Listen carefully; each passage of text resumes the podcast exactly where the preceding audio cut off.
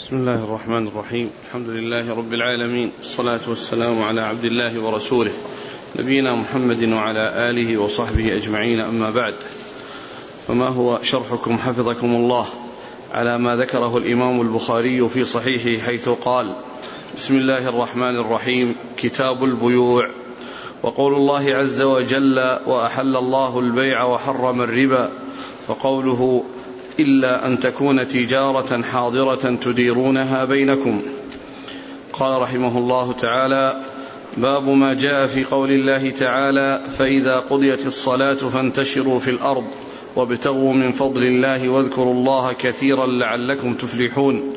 وإذا رأوا تجارة أو لهوا انفضوا إليها وتركوك قائما قل ما عند الله خير من اللهو ومن التجارة والله خير الرازقين. وقوله لا تأكلوا أموالكم بينكم بالباطل إلا أن تكون تجارة عن تراض منكم. قال حدثنا أبو اليمان قال حدثنا شعيب عن الزهري قال أخبرني سعيد بن المسيب وأبو سلمة بن عبد الرحمن أن أبا هريرة رضي الله عنه قال إنكم تقولون إن أبا هريرة يكثر الحديث عن رسول الله صلى الله عليه وآله وسلم. وتقولون ما بال المهاجرين والأنصار لا يحدثون عن رسول الله صلى الله عليه وآله وسلم بمثل حديث أبي هريرة. وإن إخوتي من المهاجرين كان يشغله يشغلهم صفق صفق بالأسواق. وكنت ألزم رسول الله صلى الله عليه وآله وسلم على ملء بطني. فأشهد إذا غابوا واحفظ إذا نسوا وكان يشغل إخوتي من الأنصار عمل أموالهم.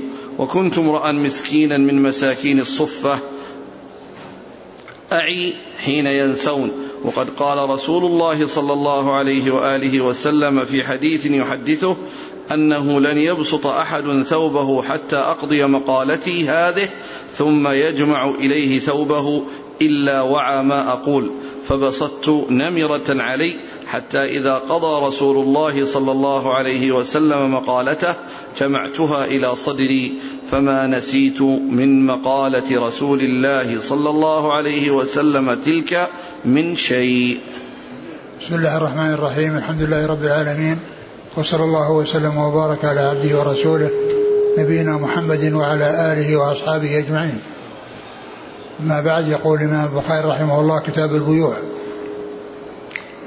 البيوع جمع بيع وإنما جمع باعتبار أنواعه وهيئاته فلهذا جمع. والبيع هو انتقال ملك إلى ملك بثمن. يعني أن مالا في ملك إنسان ينتقل إلى إنسان آخر بمقابل ثمن يدفع في مقابل ذلك المال. ف فهذا هو هو البيع. وهذا هو البيع.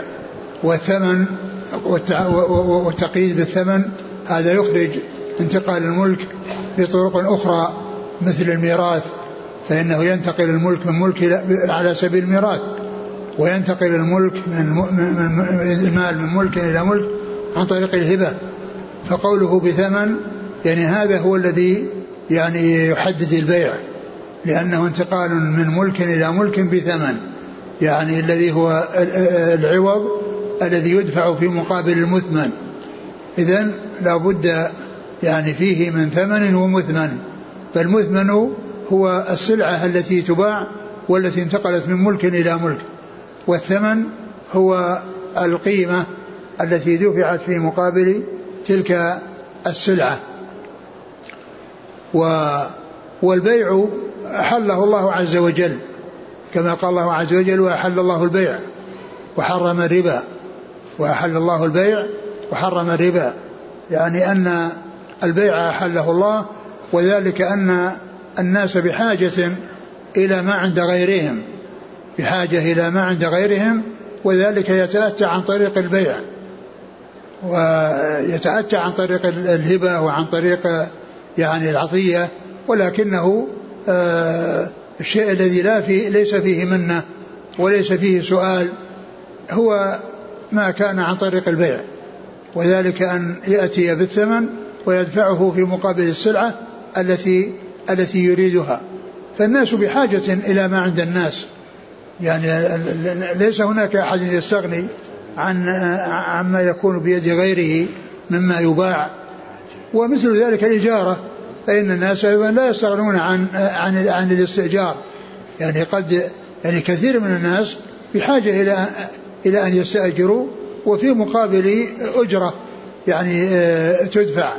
و وليس كل يعني يمكنه أن يكون عنده آه، آه، أنواع السلع حتى يستغني عن غيره و وهذه السلع تكون عند يعني أناس يعني يقومون بها مثل يعني أشياء تحتاج إلى نجارة وأشياء تحتاج إلى خياطة وأشياء تحتاج إلى يعني آه، يعني خبز وأحياء فليس الإنسان قادرا على أنه يأتي بكل هذه الأمور أو يكون يفعل هذه الأمور فاحتاج إلى غيره بالشراء وذلك عن طريق آه، عن طريق الثمن الذي يدفعه في مقابل هذه السلعة من هذه الأنواع المختلفة.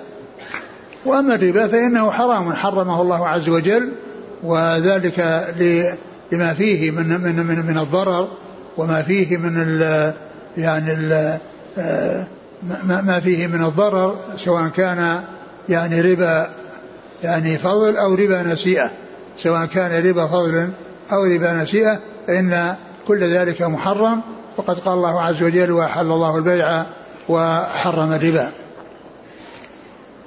ثم الآية الثانية. قوله إلا أن تكون تجارة حاضرة تديرونها بينكم. وقوله إلا أن تكون تجارة إلا أن تكون تجارة حاضرة تديرونها بينكم.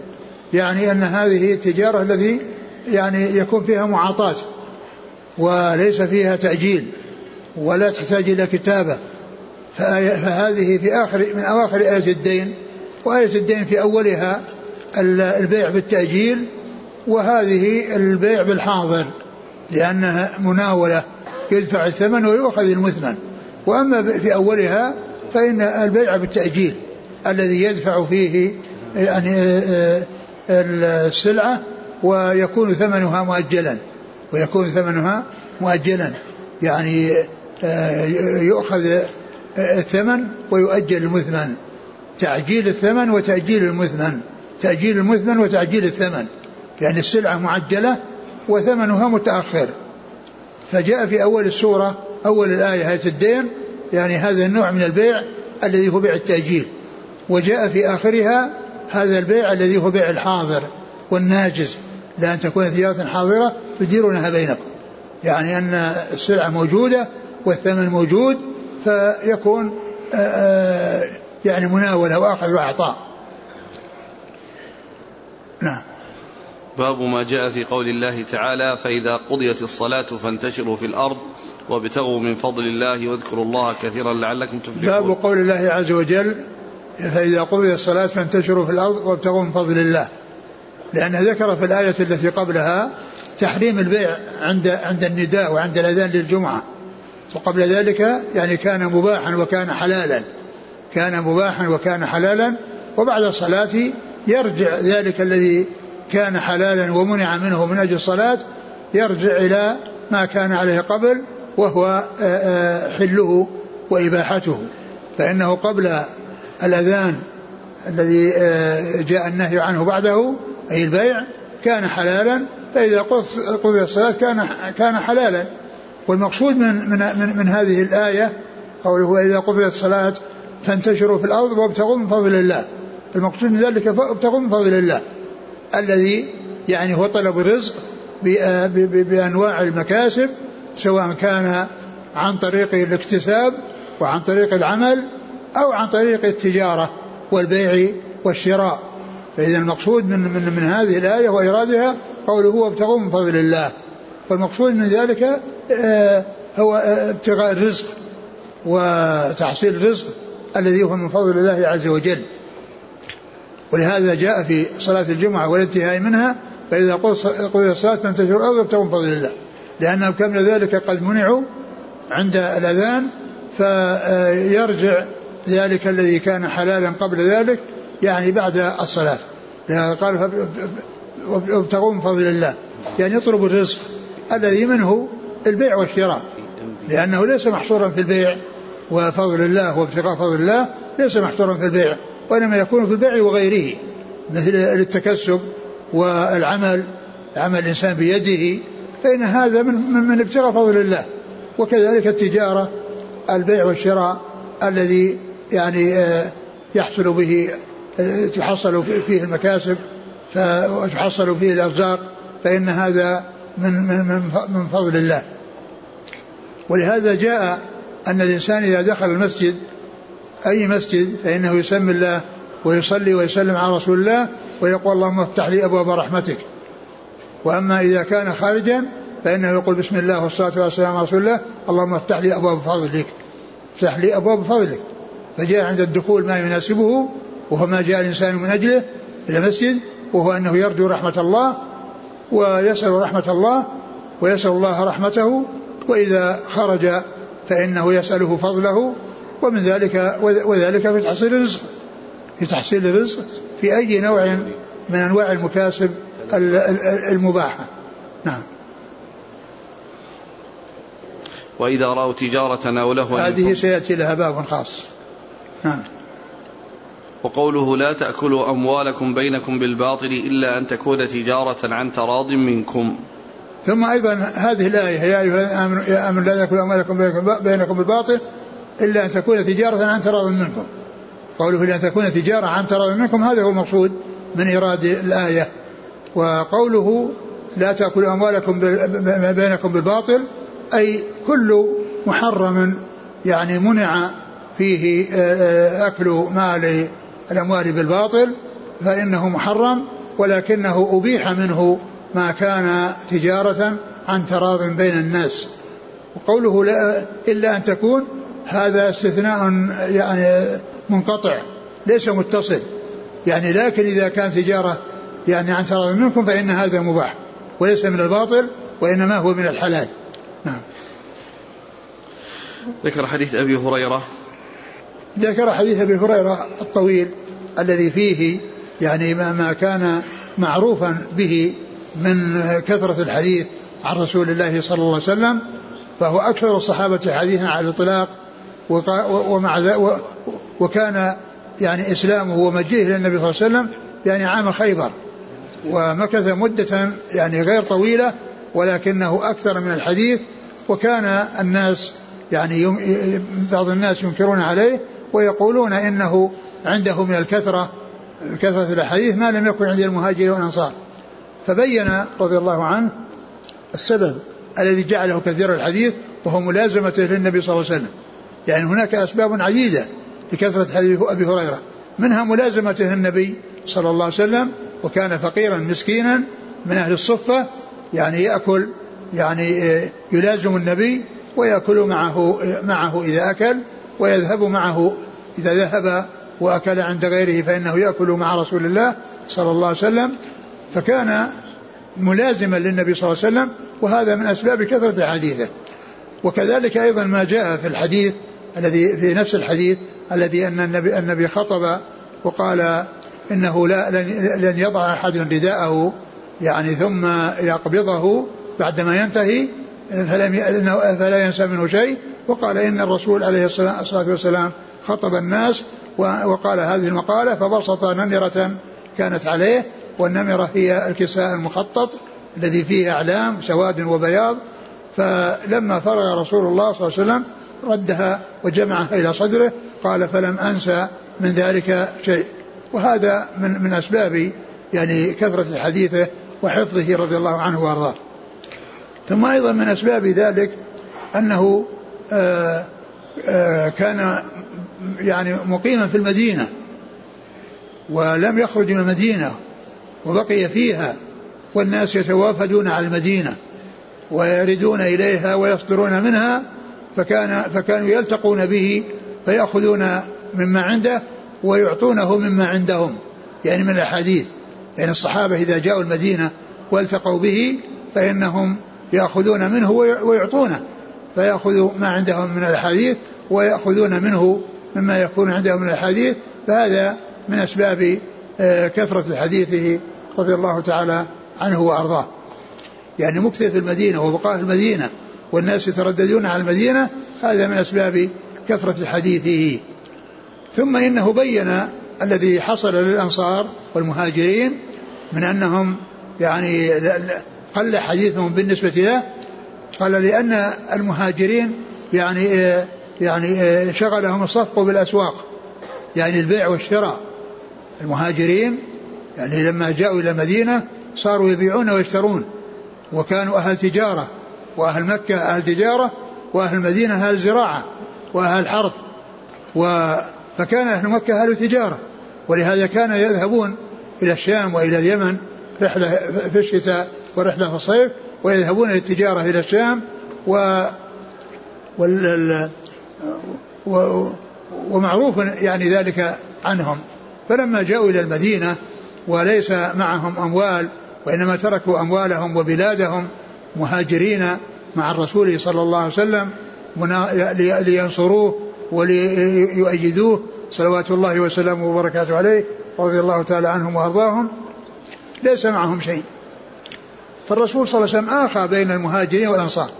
يعني آخى بين رجل من المهاجرين ورجل من الأنصار يعني بحيث يعني هذا المهاجري الذي ليس معه شيء يكون مع هذا الأنصاري المقيم الذي هو في بلده المدينة فيحسن إليه ويستفيد منه.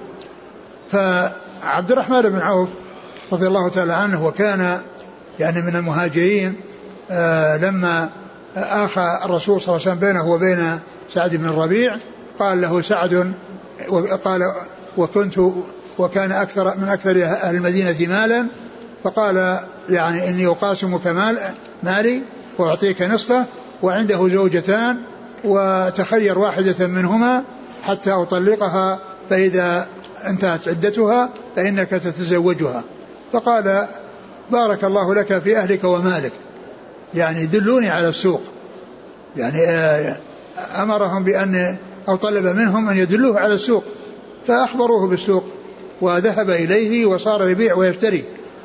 فجاء يعني معه يعني سمن ومعه آه، يعني أقط يعني آه، هذا مما ربح ببيعه وشرائه يبيع ويشتري حتى صار معه شيء.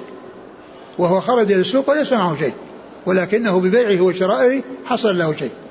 فكان أتى أو كان يأتي بفضل من من من يعني أقط وسمن يعني مما ربحه وحصله عن طريق البيع والشراء.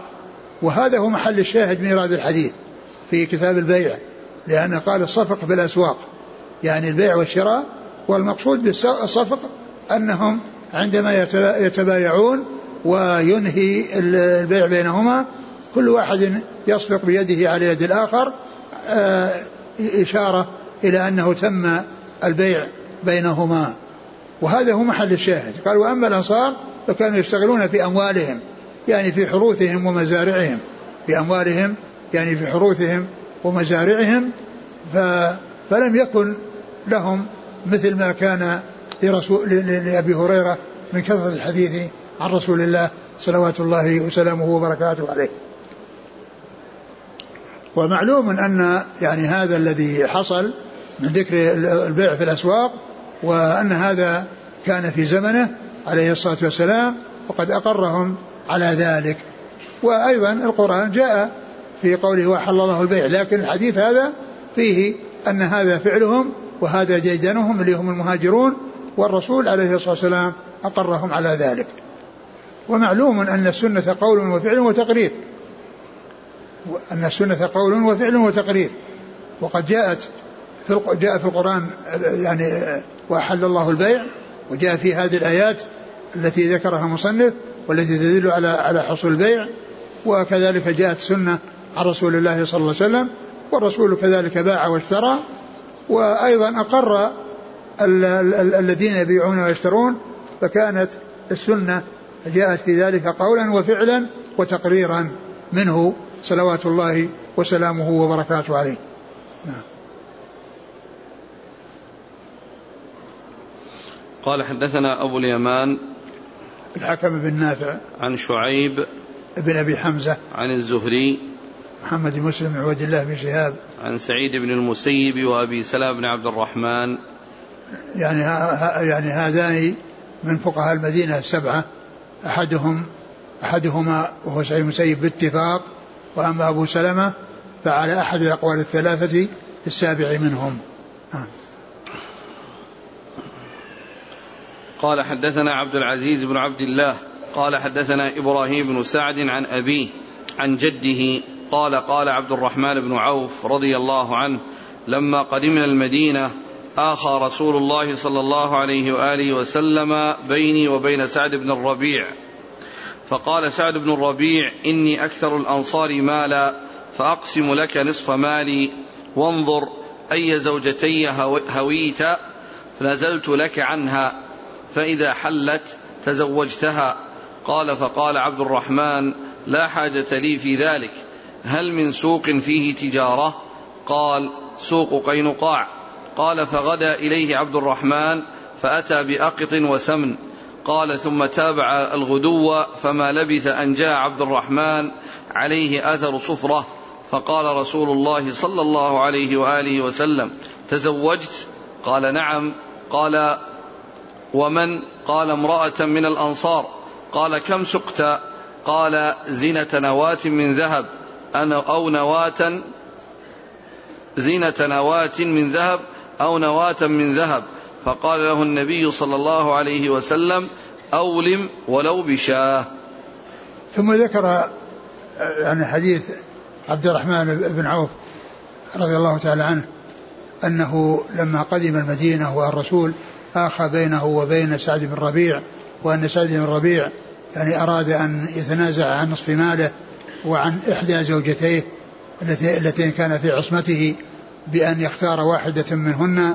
فيطلقها سعد وإذا حلت يعني خرجت من عدتها يتزوجها. فعبد الرحمن بن عوف رضي الله تعالى عنه قال لا حاجة لي في ذلك وفي الرواية الأخرى في الحديث الآخر قال بارك الله لك في أهلك ومالك. بارك الله لك في أهلك ومالك.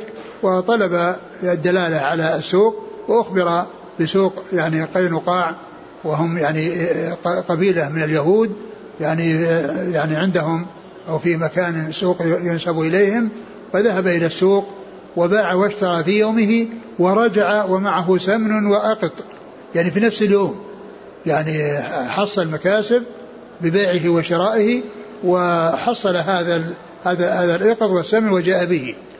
وكان يذهب كل غداة يعني كلما أصبح ذهب للسوق يبيع ويشتري حتى حصل يعني آه يعني ما يتزوج به.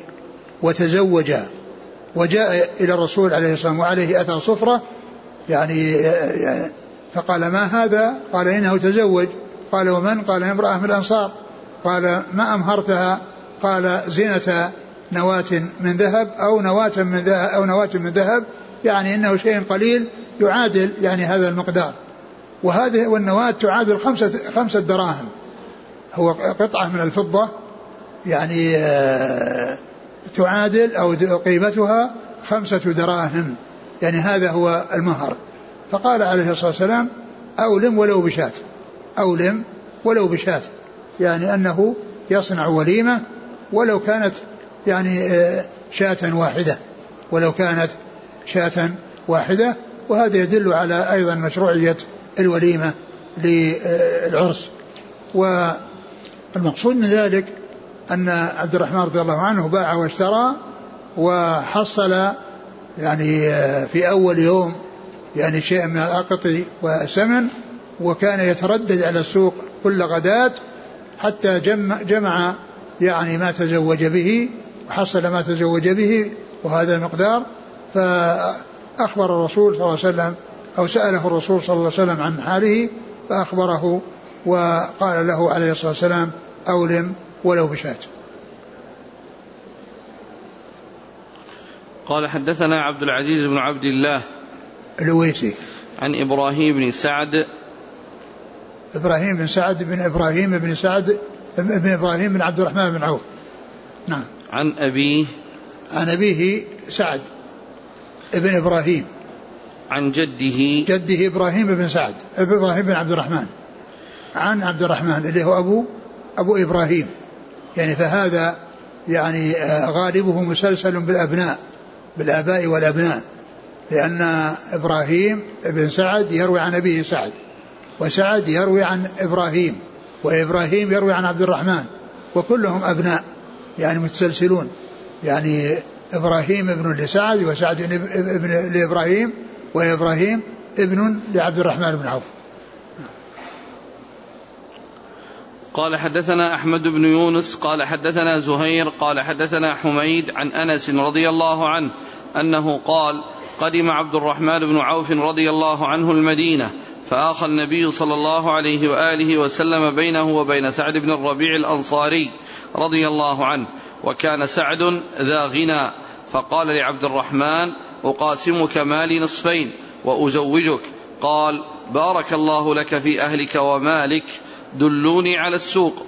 فما رجع حتى استفضل أقطا وسمنا فأتى به أهل منزله فمكثنا يسيرا أو ما شاء الله فجاء وعليه وضر من صفرة. فقال له النبي صلى الله عليه وآله وسلم مهيم. قال يا رسول الله تزوجت امرأة من الأنصار. قال ما سقت إليها؟ قال نواة من ذهب أو وزن نواة من ذهب. قال أولم ولو بشاه. ثم ذكر حديث أنس رضي الله عنه في قصة يعني آه، عبد الرحمن بن عوف. لأن الأول من مسند عبد الرحمن بن عوف نفسه وأما هذا فهو مسند أنس يحكي ما حصل لعبد الرحمن بن عوف وما جرى يعني وما حصل له وأنه آه النبي آخى بينه وبين سعيد بن ربيع وأنه صاحب غنى وأنه آه أراد أن يقاسمه ويعطيه نصف ماله وأن يعني يزوجه. وقوله يزوجه يعني يتنازل عن واحدة من زوجاته كما جاء مبينا في الرواية السابقة. فقال أجاب عبد الرحمن لسعد بن ربيع بقوله بارك الله لك في أهلك ومالك يعني أنه لا لا يأخذ شيئا من ماله لا يأخذ نصف ماله ولا ولا ولا شيئا من ماله. ولا أيضا يعني يتزوج امرأة يطلقها ويتزوجها وإنما دعا له وطلب أن يدل على السوق فدل عليه فذهب حتى أتى بفضل يعني اللي هو ربح يعني مما ربحه في بيعه وشرائه بفضل سمن وأقط فأتى به إلى المنزلة وكان يذهب إلى السوق كل غداة حتى تزوج ورآه النبي صلى الله عليه وسلم وعليه أثر الزواج فسأله وقال إن تزوج امرأة من الأنصار فقال عليه الصلاة والسلام أولم ولو بشاة فالحديث مثل الذي قبله فيما يتعلق بالبيع والشراء وما حصل من عبد الرحمن رضي الله عنه يعني من ذلك وأنه لما دل على السوق صار يتردد عليه وربح في أول مرة في أول مرة ذهب حيث جاء بفضل يعني أنه أنه ربح.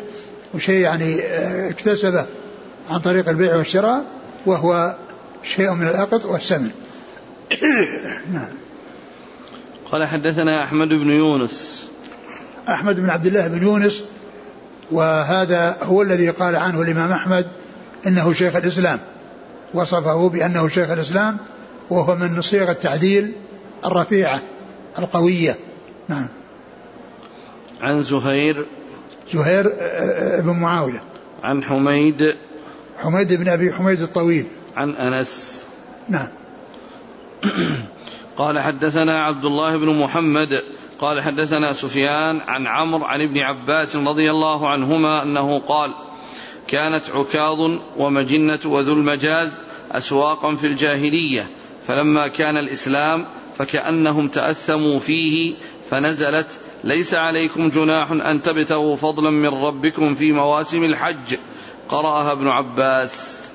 ثم ذكر حديث ابن عباس الذي ذكر فيه أسواق الأسواق اللي كانت في الجاهلية وأنهم كانوا يبيعونها يشترون فيها وكان في مواسم الحج يعني يأمونها ويقصدونها ويبيعون فيها ولكنهم تحرجوا لما جاء الإسلام فنزل أنهم يعني يسوغ لهم أن يبيعوا ويشتروا في حجهم وأنه لا مانع من ذلك فنزل قول الله عز وجل ليس عليكم جناح أن تبتغوا فضلا من ربكم.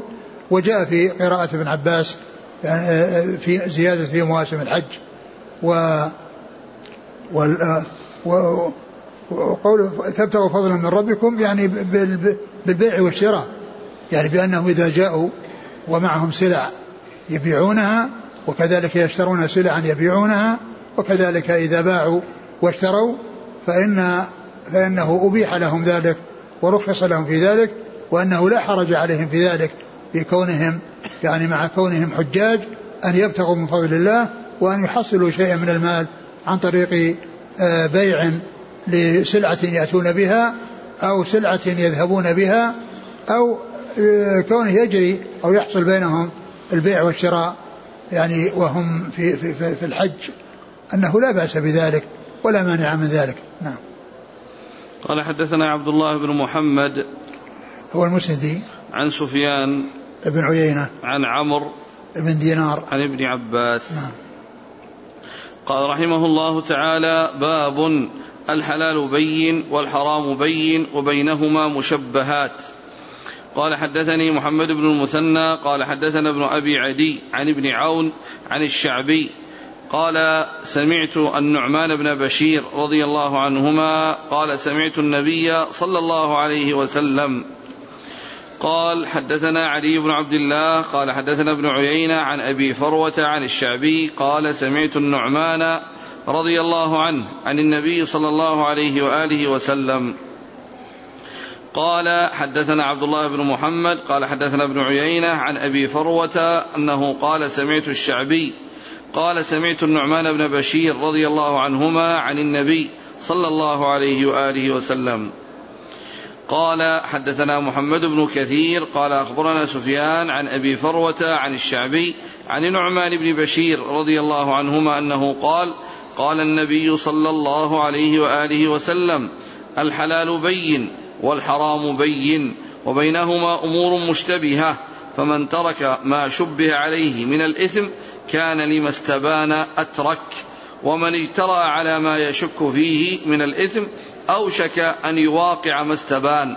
والمعاصي حمى الله من يرتع حول الحمى يوشك أن يواقعه. ثم قال باب الحلال بين والحرام بين وبينهما مشتبهات. مشبهات. مشبهات. آه، أتى بحديث النعمان بن بشير رضي الله تعالى عنهما وهو حديث مشهور وهو من الحديث الجامعة وهي من من جوامع كلمة صلى الله عليه وسلم. والنووي رحمه الله لما كتب جمع الأربعين التي اشتهرت بالأربعين النووية جعل هذا الحديث منها. جعل هذا الحديث ضمن هذه الأحاديث اللي اختارها وهي أحاديث جامعة من جوامع كلم الرسول صلى الله عليه وسلم.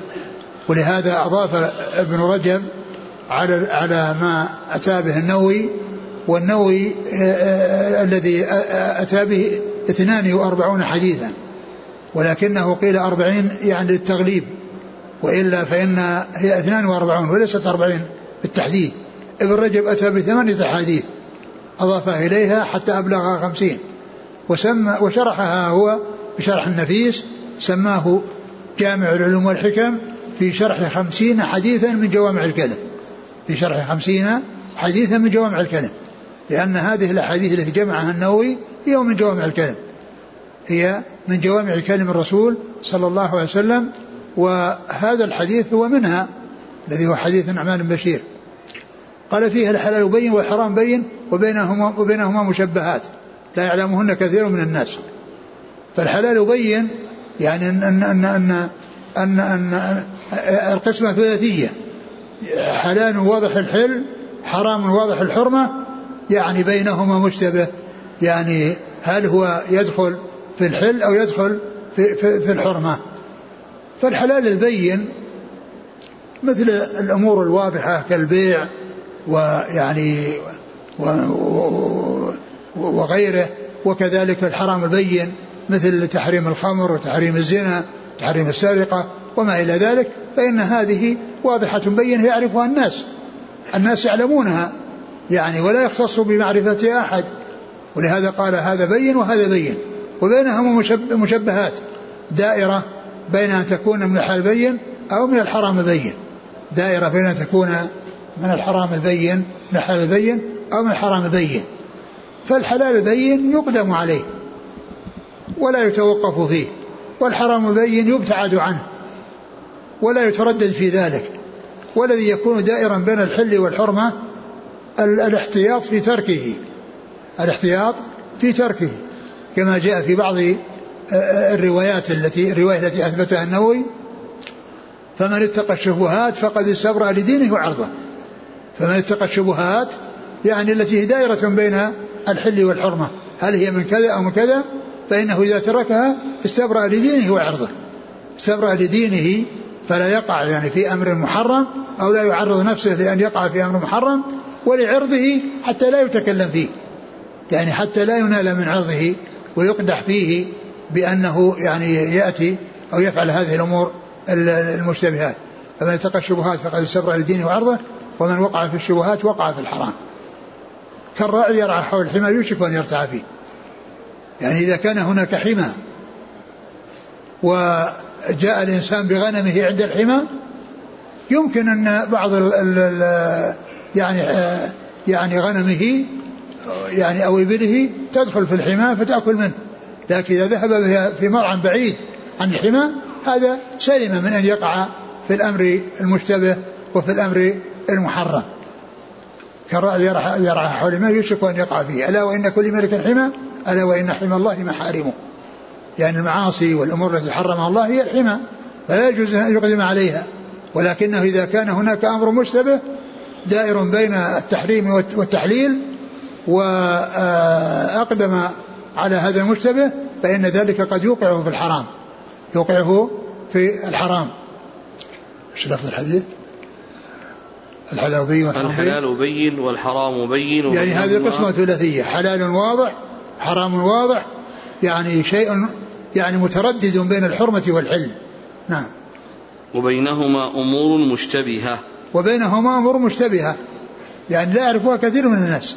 خفية. يعني يحتاج إلى يعني بحث وتنقيب عن يعني شيء يوضح يعني أحد الاحتمالين. يعني كونها حلال أو كونها حرام. نعم. فمن ترك ما شبه عليه من الإثم كان لما استبان أترك. فمن ترك ما شبه عليه من الإثم مما فيه إثم كان لما استبان أترك. لأن الإنسان الذي يبتعد عن المشتبهات فهو يعني من باب أولى بعيدا عن المحرمات التي استبان حر استبانت حرمتها واتضحت واتضحت حرمتها. فهو من باب أولى. أن يبتعد عن المحرمات. من ترك يعني ما شبه عليه. ما شبه عليه كان لما سواه أترك. نعم. ومن اجترأ على ما يشك فيه من الإثم أوشك أن يواقع ما استبان. وإذا, وإذا اجترأ على ما شك فيه من الإثم يعني مما فيه احتمال الإثم يعني أوشك أن يقع أو يواقع ما استبان. يعني بأن يواقع ما استبان بأنه حرام وأن يقع فيه. نعم. والمعاصي حمى الله من يرتع والمعاصي حمى الله. الله تعالى يعني يعني حرمها ويعني حرم الوقوع فيها. فإذا كان هناك أمور تلتبس فيها وأنها منها فإنه يجره ذلك إلى أن يقع في المعاصي. والمعاصي حمى الله. وحمى الله هي المحارم التي عليه أن يبتعد عنها ولا يقع في شيء يؤدي إليها أو يكون قريبا منها حتى لا يقع فيها.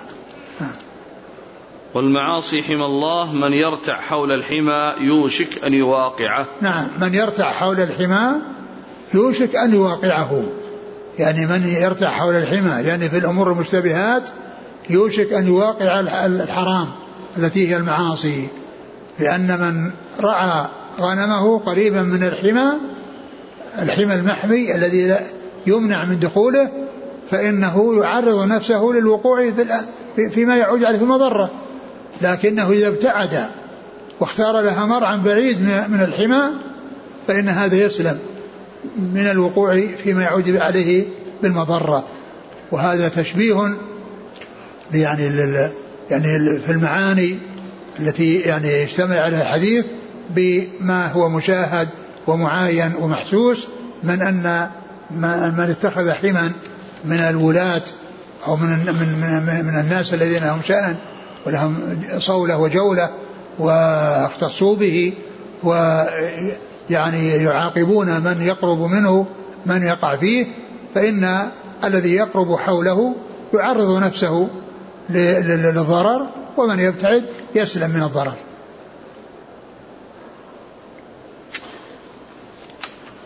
وفي هذا الحديث سماع النعمان بن بشير من النبي صلى الله عليه وسلم وقد صرح فيه بقوله سمعته وقد مات النبي صلى الله عليه وسلم وعمره ثمان سنوات. نعمان بن بشير توفي رسول الله صلى الله عليه وسلم وعمره ثمان سنوات. يعني أنه روى في حال صغره وأدى في حال كبره. وهذا يعني سائق ومعتبر عند المحدثين إذا تحمل في حال الصغر وأدى في حال الكبر فحديثه معتبر. ومثله هو الكافر الذي يتحمل في حال كفره ثم يؤدي في حال إسلامه فإن حديثه معتبر. إذا حدث في حال إسلامه عن شيء في حال كفره يتعلق بشيء من الدين فإن ذلك معتبر لأن المقصود أنه في أنه في حال تأديته أنه كان يعني بالغا مسلما.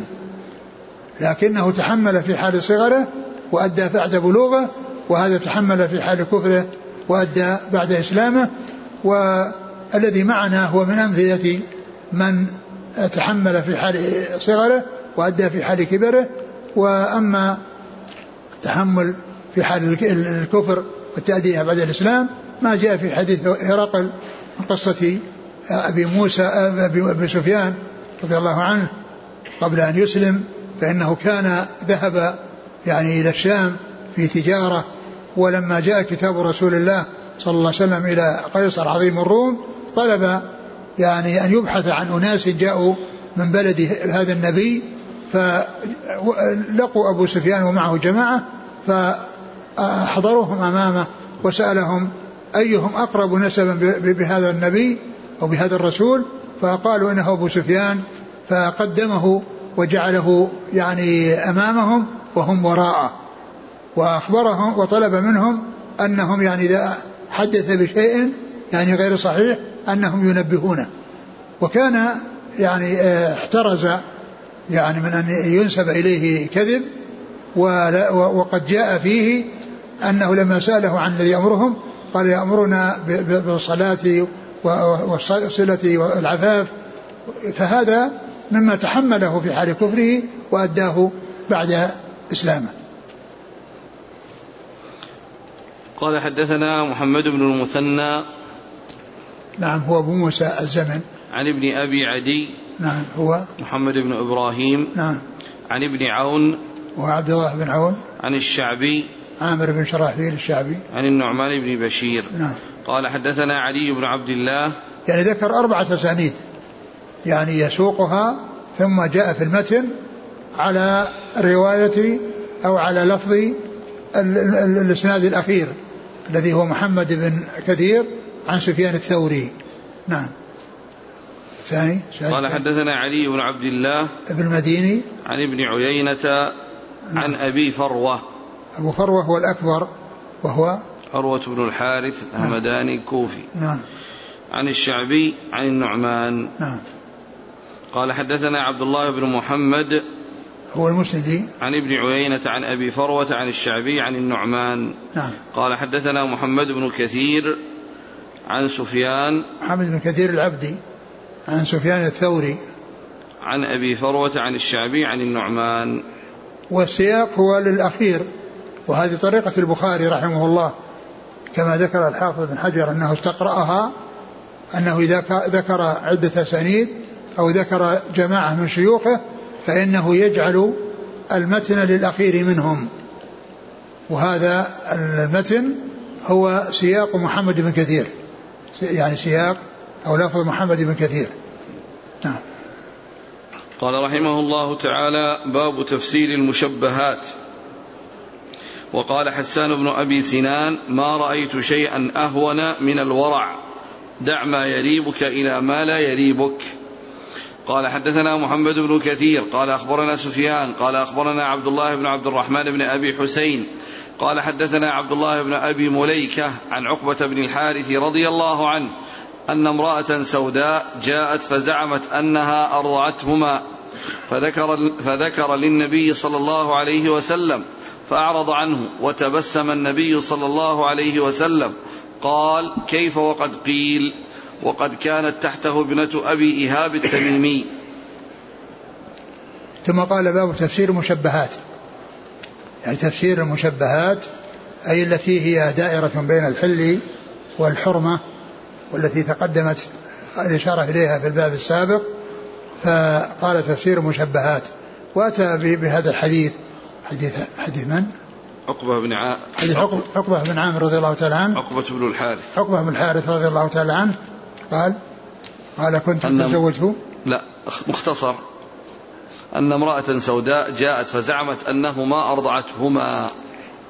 يعني امرأة سوداء جاءت بعدما تزوج امرأة يعني تميمية آه، اسمها زينب وقيل غنية وأنه لما تزوجها جاءت امرأة يعني سوداء وقالت أو زعمت أو يعني أخبرت بأنها أرضعتهما فذهب إلى رسول الله صلى الله عليه وسلم وسأله يعني عن ذلك وقال يعني آه، آه، كيف وقد قيل يعني أن, أن, أن, أن, أن الاحتياط وأن السلامة إنما هي في ترك المشتبه وهذه ومعلوم أن التحريم بالنسبة للرضاع يعني ثبتت الأحاديث يعني على أن خمس رضعات فأكثر يحرمنا وما نقص عنها فإنه لا يحرم. وقد جاء عنه لا تحرم المصة والمصتان والإملاج والإملاجتان يعني معناه الرضعتين والثنتين والثنتين والثلاث والأربع يعني هذه لا تؤثر. ولعل ال ال ال الاشتباه في في كونه دائرا بين كونه وصل الأربع أو لم يصل. كونه وصل الأربع أو لم يصل. فالرسول صلى الله عليه وسلم قال دعها فيعني فطلقها. فيعني فتفسير المشتبه الذي أشار إليه المصنف هو كونه محتمل بأن تكون يعني رضاعها محرم أو يكون رضاعها غير محرم. المقدار الذي حصل من الرضاع أو أنها هي يعني هل آآ آآ يعني آآ يعني هل يؤخذ قولها أو لا يؤخذ لكن الرسول صلى الله عليه وسلم أرشد إلى إلى تركها وقيل إن ذلك أنه على سبيل الوجوب وقيل إنه على سبيل الندب. أنه على سبيل الندب يعني أن أشار إليها ذلك وأن هذا على سبيل الاحتياط وألا يعني يقع في أمر مشتبه فيكون ذلك يعني يكون حراما. فما كان مشتبها فإن السلامة في تركه وما كان واضحا فإنه لا بأس به. فإذا كانت خمسة أكثر فالأمر واضح. هذا من الحلال البين. وإذا كانت اثنتين أو ثلاث يعني أو أربع فهذا من الحلال البين. لكن إذا اشتبه هل هي يعني بلغت يعني الشيء الذي يعني يحرم أو الذي لم يبلغه فإن يعني فإن الاحتياط في تركه لأنه قد يكون بلغ الخمس الرضعات المحرمة بلغ الخمس الرضعات المحرمة. نعم. وفي أول الباب قال حسان بن أبي سنان. نعم. قال حسان بن أبي سنان إيش؟ ما رأيت شيء. لا باقي اسمه. حسان بن أبي سنان البصري. نعم حسان بن أبي سنان البصري.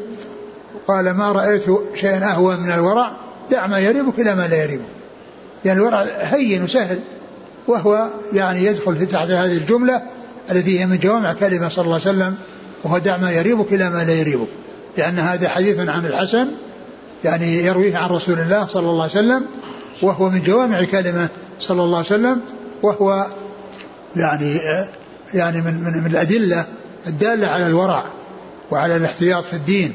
وأن الإنسان إذا استراب في شيء فإنه الورع في تركه. دع ما يريبك إلى ما لا يريبك. يعني دع الشيء الذي فيه ريبة إلى شيء لا ريبة فيه. وهذا الحديث أيضا من من أحاديث الأربعين. من أحاديث الأربعين النووية. لأن هذا هو الحديث الحادي عشر وحديث النعمان بن بشير هو الحديث السادس من الأربعين النووية. فهذا من جوامع الكلمة. وكلام آه، حسان بن بن بن عطية. حسان بن أبي سنان. ابن حسان بن أبي سنان البصري. هذا يعني يعني هذا أثر يعني عنه ذكره البخاري عنه تعليقا. قال الحافظ وليس لحسان هذا شيء في البخاري إلا هذا الموضع هذا الموضع المعلق الذي هو من كلامه ولكنه أشار إلى المستند في ذلك وهو دع ما يريبك إلى ما لا يريبك. يعني ما ثبت عن رسول الله صلى الله عليه وسلم من حديث الحسن بن علي رضي الله تعالى عنهما دع ما يريبك إلى ما لا يريبك. يعني ما رأيت شيئا أهون من الورع. سهل. يعني دع ما يريبك إلى ما لا يريبك.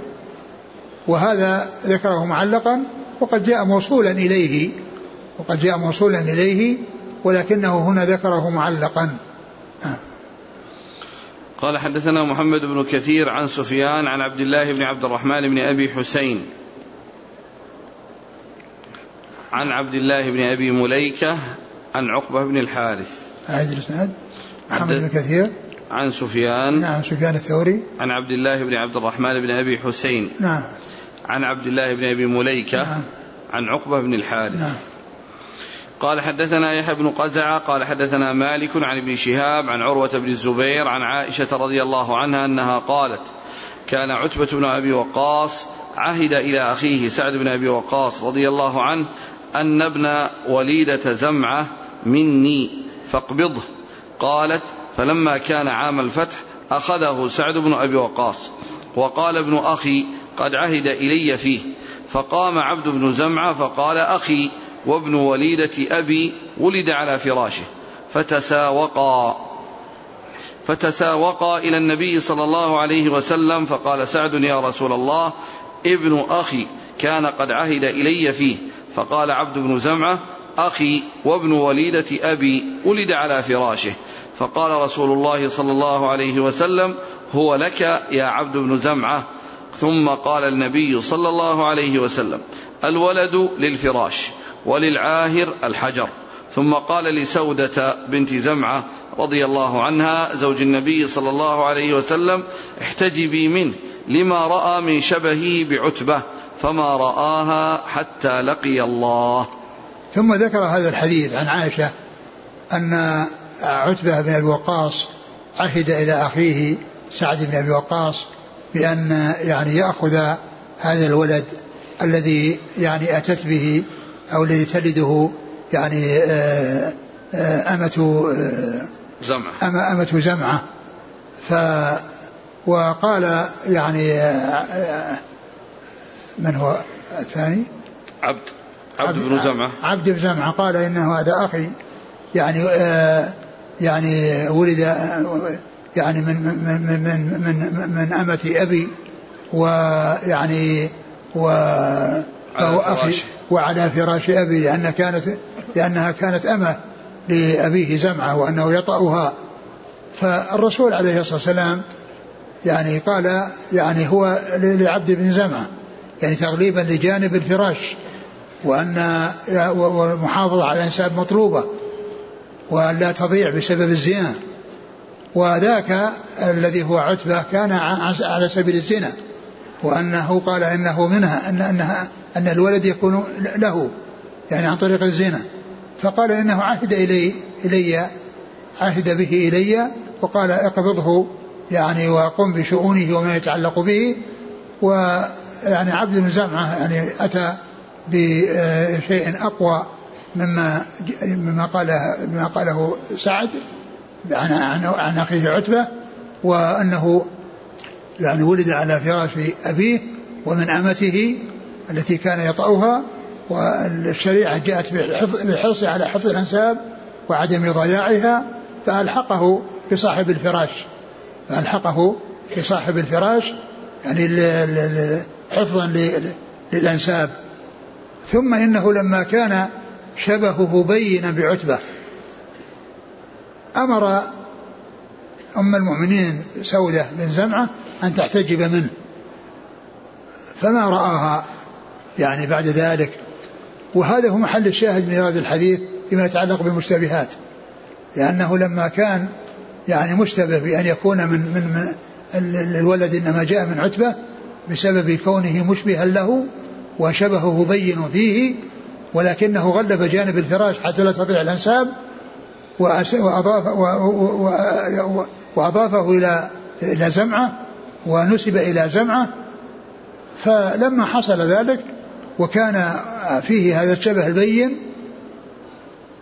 لعتبة الذي لم يلحق به الذي لم يلحق به ف آه، قال لأم المؤمنين احتجبي عنه لأنه يعني قد يكون أنه ليس ليس من, من, من, من ولدا لأبيها وإنما هو ولد للزاني.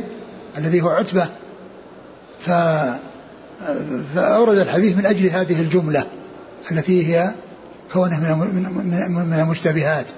قد يكون ابن لزمعة ولكنه غلب جانب الفراش وقد يكون ابنا لهذا فلما رأى الشبه بهذا قال احتجبي منه فما رأته يعني يعني فما رأته أبدا. نعم. قال حدثنا يحيى بن قزعة عن مالك نعم بن أنس. عن ابن شهاب عن عروة بن الزبير عن عائشة. نعم.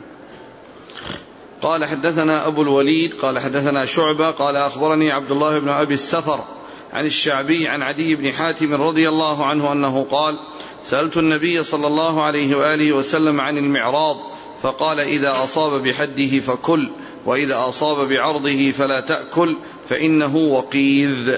قلت يا رسول الله أرسل كلبي وأسمي فأجد معه على الصيد كلبا آخر لم أسمي عليه ولا أدري أيهما أخذ.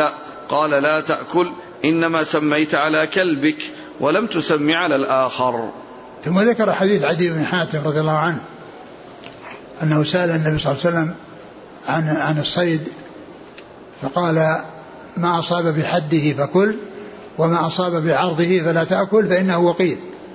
يعني أنه إذا أرسل السهم ف أو أرسل ال ال يعني ال عن المعراض. نعم المعراض هو يعني المعراض هو ال ال يعني خشبة في رأسها يعني في رأسها حديدة حادة فكانوا يعني يرسلها فقد تصيب بحدها وقد تصيب بعرضها فإذا صارت بالعرض هي وقيدة. لأن ما حصل جرح يعني مات بسبب الثقل. والشيء إذا مات بسبب الثقل ولا يخرج منه دم هذا يقال له وقيد لأنه ما خرج الدم. لكن أصاب بحده وخرج الدم فإنه يكون مباحا ويكون حلالا. فما أصيب بالحد فإنه يباح ولأنه خرج الدم بسبب الحد. وما كان بالعرض يعني عرض العود أو عرض العصا أو عرض الحربة يعني فإنه مات بسبب الثقل. يعني ولم يكن بسبب الحد ولم يخرج منه دم. فكان وقيت مثل اللي يرمى في حصاد فيعني فيموت بسبب ذلك. والله والله ما أصابه يعني ما يعني ما إذا مات الصيد بعرض بعرض الحربة ومات بسبب الثقل فإنه يكون وقيد والوقيد يعني يعني مما حرم وجاء في أول سورة المائدة الموقودة وما حرمت عليهم الميتة والدم والخنزير وما أهل لغير الله والمنخنقة والموقوذة والمتردية والنطيحة وما أكل السبع. إلا ما ذكيتم. يعني إذا أدركتموه في حياة وذكيتموه يكون حلالا. وإن كان مات بسبب هذه الأمور فإنه يكون حراما. يعني الموقوذة التي رميت في حصاد وماتت بسبب هذه الرمية و أو والمنخنقة التي يعني دخل رأسها بين عودين من عود الشجرة ولم تستطع إخراجه وماتت بسبب ذلك أو كان في في رقبتها حبل فعلق بالشجرة يعني فانخنقت بسبب ذلك وماتت فإنه تكون حرام و والمنخنقة والموقودة والمتردية اللي تردت من جبل أو تردت في بئر وماتت بسبب ذلك فإنها يعني تكون يعني حراما والمتردي والمتردي والنطيحة يعني تناطحت اثنتان وماتت إحداهما بسبب النطح أو ماتتا جميعا بسبب النطح فإنهما يعني يعني يعني لا يجوز أكلهما وما أكل السبع يعني الذي مسك السبع وأكل منه شيء ثم أدركه الناس وقد مات فإنه لا يحل. كل هذه الأمور الخمسة لا تحل ولكن إن أدركت وفيها حياة وذبحت فإنها تحل. لقوله إلا ما ذكيتم. يعني من هذه الأمور الخمسة التي تقدمت فإن كانت سبق أن يعني حصل الموت لها وصارت وماتت قبل أن تدرك وفيها حياة فإنها لا يجوز أكلها. وأن أدركت هذه الخمس وفيها حياة وذبحت فإنها تحل لقوله إلا ما إلا إلا ما ذكيتم. و فهذا الذي في المعراض يعني معناه مات بسبب ذلك. وأما إن أصابه بعرضه ولكنهم أدركوه وهو حي فذبحوه فإنه يكون حلالا لأنهم أدركوه في حياة فذبحوه. أما إذا مات فإنه يكون من جملة الموقوذة أو من من من من, من صنف الموقوذة. التي ذكرت في هذه السورة أو في أول هذه في هذه الآية. ثم سأله عن آه، الكلب المعلم الذي يرسله ويسمي الله عز وجل عليه. ثم إنه يجد يعني يجد آه، آه، صيد الذي قد يعني يعني جرح ومات. أما لو أدركه في حياة يذبحه سواء من كلبه أو من كلب غيره. ما إذا أدركه في حياة فإنه يذبح. ولا يؤثر كون غيره. يعني احتمال أن يكون كلب غيره هو الذي فعله. ما دام أنه أدركه في حياه لكن الإشكال والمحذور بما أدركه وقد مات. وهو مجروح. أما لو أدرك وليس فيه جرح فإنه يكون من من قبيل الميتة. لأنه إذا كان مثلا ربض عليه الكلب ومات بسبب ربوضه عليه أو ضربه بيده يعني ومات بسبب ذلك ولم يصل فيه جرح فانه يكون حراما. لكن الكلب معلم يجرح ويعني يقتله بالجرح. ولكن لما كان معه كلب آخر يحتمل أن يكون هو الذي جرحه. وهو لم يسمي عليه فالرسول منعه من ذلك. وهذا هو محل الشاهد من إيراد الحديث في تفسير المشتبهات لأن هذا مشتبه بين كونه من كلبه فيكون حلالا وكونه من كلب غيره فيكون حراما فالرسول صلى الله عليه وسلم أرشده إلى أن يتركه وأنه لا يحل لأنه سمى على كلبه ولم يسمي على كلب على الكلب الآخر يعني فيكون حراما ويغلب جانب الجانب الثاني الذي هو جانب التحريم بأن يكون من الكلب الآخر الذي ليس الذي ليس هو ليس هو كلبه قال إيش الحديث؟